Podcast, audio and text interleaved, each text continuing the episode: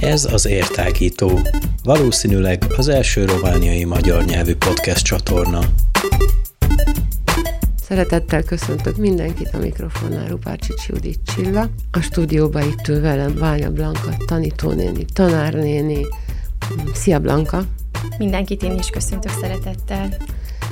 Közeledik az év vége. Milyen ilyenkor a hangulatod? Hú, hát az az igazság, hogy ilyenkor nagyon-nagyon sok teendő hárul rám, úgyis, mint tanítónéni és tanárnéni, de úgyis, mint édesanya. Az iskolában is igyekszünk a gyerekeknek azért már így a december eleje kezdetével ünnepi hangulatot teremteni. Hál' Istennek én angol tanítok, tehát ott elég nagy lehetőségem van arra, hogy akár színezőkkel, énekekkel, kis versekkel készülődjünk a közelgő Mikulásra, karácsonyra. Hát otthon pedig, mint édesanyja, ott szerintem mindenki tudja, vagy az anyukák tudják, hogy egyszerre vagyunk angyalok is, Mikulások is, Jézuskák is, úgyhogy egy kicsit összetett feladat, de ez a csodateremtés az összes fáradtságot megéri szerintem. Hát főleg, amikor az embernek még kicsi gyerekei vannak, ugye? Uh... Hát igen, nekem egy négy és kilenc éves kislányom van, úgyhogy itt még aktívan, aktívan megy a csodateremtés nálunk. És ők hisznek még a csodákban? Igen, igen. Bár a nagyobbik lányom, ő most második osztályos, ő már néha ilyen keresztkérdéseket is felszokott tenni, de egyenlőre még sikerült mindegyikre válaszolnom. Miket szokott kérdezni, kíváncsi tettél? Hát az osztály, az osztályban hall néhány dolgot, ilyeneket, hogy nincs is Mikulás, vagy nincs is Jézuska, mert az egyik barátnőjének az anyukája szokta megvásárolni az ajándékokat, vagy együtt díszítik fel például a karácsonyfát, ami nálunk nem szokás, mert azt a karácsonyi angyal hozza. De én azt mondtam neki eddig még, hogy igazából ahol feldíszítik a karácsonyfát, vagy ahol anyuka megveszi az ajándékot, ott, ott nem akarnak már hinni a csodában, vagy nem akarnak hinni az angyalban, és amíg mi hiszünk benne, addig nálunk el fog jönni. Hú, ez milyen jó mese. Én olyanokat hallottam, hogy ez azok a szülők, akik földíszítik a karácsonyfát, vagy megveszik az ajándékot, azok igazándiból besegítenek a Mikulásnak, vagy a, az angyalnak, mert nem győzi egyedül. Igen, ez a következő lépés. Én úgy gondoltam, hogy még egyenlőre nem lépjük meg ezt a szintet, de azért már Zoránál hamarosan ez lesz a következő lépés. Mi az a határidő? Hát nem tudom igazából. Én úgy gondolom, hogy gyerekkel vagy családja válogatja. Van, ahol már az elején így kezdik, sőt, van, ahol úgy kezdik, hogy egyáltalán nem létezik ilyesmi, hanem mi készítjük, mi díszítjük. De én úgy gondolom, nálunk ez máshogy alakult, én úgy gondolom, hogy ezt, ezt minden család, vagy minden édesanyja, minden szülő maga kell eldöntse, hogy mikor érkezik meg az a határ, vagy egyáltalán, hogy mik erre a szabályok. Te, te emlékszel rá, hogy nálad ez hogy volt? Hát én, én egészen nagy voltam, ha jól emlékszem, ilyen negyedikes körül, amikor az osztályban már mindenki tudta, hogy nem is létezik igazi Mikulás, meg nem is a Jézuska hozza az ajándékot, és én veszekedtem az osztálytársaimmal, hogy de nem igaz, mert hogy létezik, hogy van, és hozzánk el szokott jönni.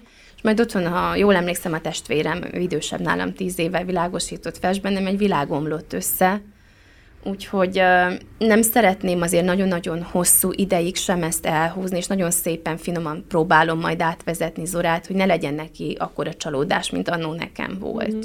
Én emlékszem le, amikor először bevontak a csodateremtésbe, vagy az ajándék vásárlásba a szüleim, nekem is van egy öt évvel fiatalabb öcsém, és nekem óriási csalá- csalódás volt abban az évben, hogy nem volt meglepetés a fa alatt. És arra is emlékszem, hogy a drága édesanyám elfutott utolsó pillanatban, és egy fehér macit kaptam még ráadásul az angyaltól, az volt a meglepetés, de az óriási meg, csalódás volt számomra, hogy, hogy nincs meglepetés, és arra emlékszem még gyerekkoromból, hogy volt egy év, amikor nem volt ajándék a fa alatt, akkor még nagyon kicsi voltam, és aztán anyukám azt mesélte, hogy az angyal, amikor húzta a szánt, egy kicsit ilyen keverednek ezek a mesék. Angyalka, Jézuska, Mikulás, Szánkó, angyal húzza a szánt, vagy rénszarvas, akkor belelépett egy tövisbe, és azért nem tudott eljönni hozzánk. És aztán, amikor megjöttek mm, nagyon távolról a rokonaink, akkor ott lett az ajándék a falat, és nagyon örültem, hogy meggyógyult az angyalkának a lába, aki tövisbe lépett, és nem tudott eljönni karácsonykor. És ha már angyalka, és ha már csodavárás, akkor van itt Székelyhídon egy nagyon jó kezdeményezés évek óta, a Baba-Mama kör, mi újság nálatok az utóbbi időben? Hát az utóbbi időben kicsit kevesen vagyunk talán, de vannak olyan oszlopos tagok, 5-6 anyuka, akik azért rendszeresen járunk, és próbáljuk fenntartani ezt a babakört, és mindig szeretettel várjuk az újakat is, vagy ha hallunk róla, hogy valakinek kisbabája születik, akkor szoktunk nekik üzenni, hogy amikor úgy érzik, hogy már nő egy kicsit a, a pici, akkor, akkor őket is várjuk, sőt a kismamákat is nagyon szívesen várnánk, mert annyi sok információt lehet kapni más anyukáktól, az ő tapasztalataikból, az ő megéléseikből, hogy én úgy gondolom, hogy érdemes lenne ezt a babamama kört már akár várandósan is elkezdeni, és nem csak kisgyerekkel. Most hány évesek azok a gyerkőcök, akik hozzátok járnak a babamama körbe? Hát elég változó életkorúak. Ugye a legnagyobbak az az én lányom, aki már kilenc éves lesz, vagy akár még nála is nagyobbak, néha eljönnek még anyával nosztalgiázni egy kicsit. De vannak nagyon kicsik is, akik még szinte az egy évet sem töltötték be. Neked mind a két leánkád jár, mikor babam a kör van? Igen, Zora ő már egy kicsit néha unja, mert a korosztály az most kisebb lett, tehát inkább kisebbek járnak. Róza pedig még aktívan élvezi, mert ő négy éves. És miket szoktatok ilyenkor csinálni, amikor összegyűltök? Szombatonként szoktatok találkozni? Igen, minden szombat délelőtt 10 órától szoktunk találkozni de ilyenkor téli időszakban, esős időszakban, hidegebb időszakban azt is megbeszéltük, hogyha van igénye rá más anyukáknak is, akkor akár hétközben is össze tudunk futni egy közös játékra, ilyenkor ugye kevesebbet tudnak a gyerekek is kint lenni, kevesebbet tudnak közösen mókázni, és felajánlottuk ezt a lehetőséget is, hogyha bárki igényt tart rá, akkor akár hétközben is tarthatunk egy-egy ilyen játszós délutánt. Hogy miket csinálunk? Hát elég sok mindent. Szabad játék tulajdonképpen a gyerekeknek, az anyukák megbeszélik az ilyen ügyes bajos, héten történt problémákat, vagy akár nevelési dolgokat. Van, amikor mondókázunk, van, amikor előadásokon veszünk részt közösen, vagy akár meghívott vendégeket fogadunk olyan témákban, ami a csoporttagokat jobban érdekli nem régiben volt nálunk gyerekorvos, légúti megbetegedésekről beszéltünk, ami ugye az ősz és tél velejárója, volt nálunk korai fejlesztő, és még a jövőben nyilvánvalóan fogunk tervezni olyan előadásokat, amik mindenkit fognak érdekelni. Ja, és kihagytam, egyet most jut eszembe, a kötődő, kapcsolódó neveléssel kapcsolatban volt még egy előadásunk, egy vendég meghívottal, akitől nagyon-nagyon sokat tanultunk. Igen, ő itt is vendégeskedett nálunk a rádióba, és kíváncsi lennék, hogy ilyenkor karácsonykor egy ilyen nevelést követő anyuka hogyan készül.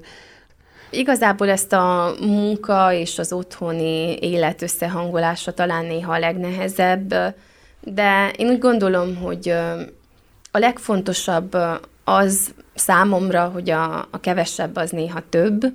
Ezt próbálom hangsúlyozni mindenkinek a környezetemben, mert a gyerekek ugyanúgy, sőt, talán jobban tudnak örülni egy vagy akár két dolognak, mint hogyha elhalmozzuk őket egy egész játékbolttal.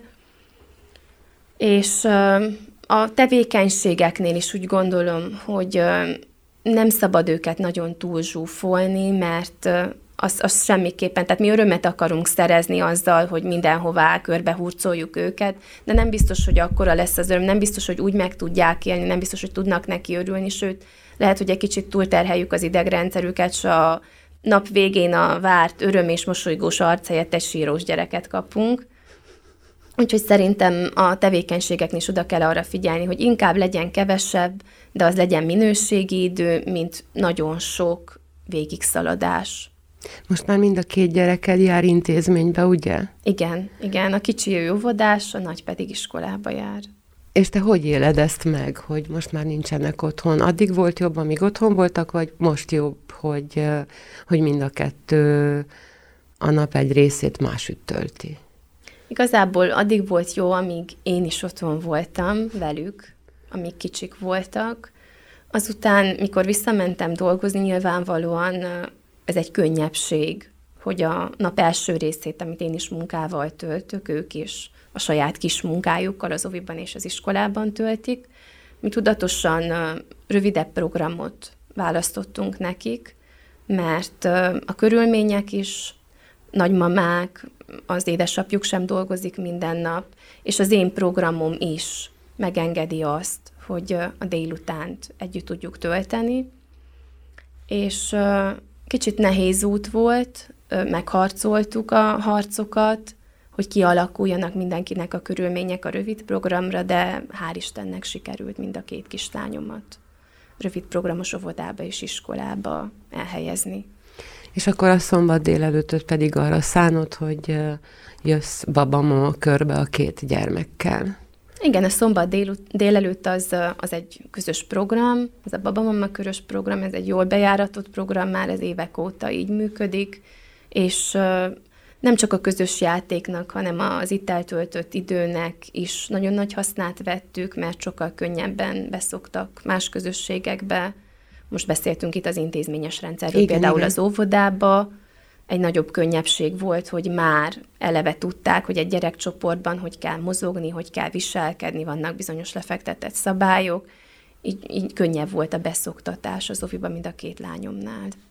Hát én kívánom neked, hogy legyen nagyon szép karácsonyotok, a babamama körösöknek pedig kívánom, hogy legyenek nagyon sokan, mert és jöjjenek az új anyukák is, vagy új anyukák, hát a kisgyerekes anyukák minél többen, mert érdemes, amint hallottuk.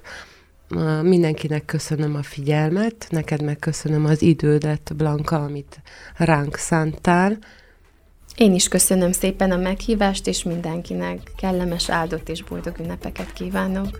És ne feledjetek el kattintani érhangja.ru per rádió, és YouTube csatornánkra pedig illik feliratkozni, de mindenféle platformon jelen vagyunk. Szép napot mindenkinek! Ow.